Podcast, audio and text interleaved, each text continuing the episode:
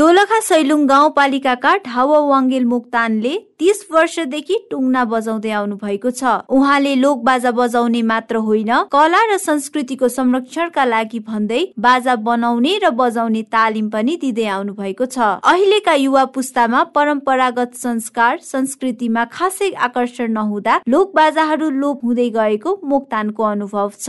हामीभन्दा पछिको पिँढीहरूले त्यसमा ध्यान नदिएको देखिन्छ। पहिलो कुरो चाहिँ दोस्रो कुरो यो पाश्चात्य सङ्गीतको पाश्चात्य कल्चरले गर्दाखेरि के लिँदै ल्यायो।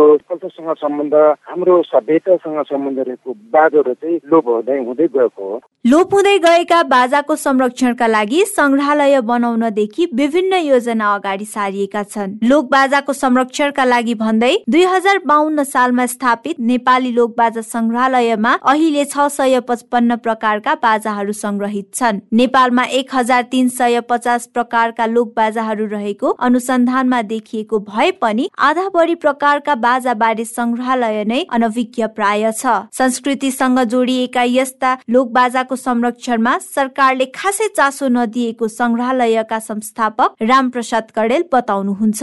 नेपालमा हामीलाई सरकार छैन जस्तो लाग्छ सामान्य लोक सङ्गीतको लागि त नेपालमा सरकारै छ किनकि सरकार भए त संरक्षण गर्नु पर्यो नि त। नेपालमा यति सङ्गीत छ। आजसम्म कसैले सपोर्ट गरेको छैन। नेपाली लोक बाजाहरू कुनै फुकेर बजाइन्छन् अनि कुनै रेटेर। कुनै ठटाएर बजाइन्छन् त कुनै पिटेर। मादल सारङ्गी टुङ्ना डम्फु तुङ्ना आदि लोक बाजामा पर्दछन्। तर नयाँ पुस्ताका अधिकांश युवा यी बाजा बजाउने र बनाउने प्रक्रिया बारे अनभिज्ञ नै छन्। बाजे बराजुले संरक्षण गरेका बाजाहरू अघिल्लो पुस्तासम्म आइपुगे पनि युवाहरूको परिवर्तित सोचका कारण अहिलेका पुस्तामा सर्न सकेको छैन। संस्कृतिविद हरिप्रसाद सोनारी। राज्य पक्षले गर्यो भने बृहत्तर रूपमा गर्न सकिन्छ र दीर्घकालिक रूपमा पनि गर्न सकिन्छ। अर्को समूह स्तरमा गर्न पर् समूह स्तरमा गर्नु पर्दछ विभिन्न जातिहरूका आफ्ना बाजा छन् विभिन्न समुदायका आफ्ना बाजा छन्। समुदायले त्यसलाई संरक्षण गर्नुपर्ने हुन्छ। त्यो गरिदियो भनेदेखि यसलाई दीर्घकालसम्म स्थायित्व पाउन सक्छ।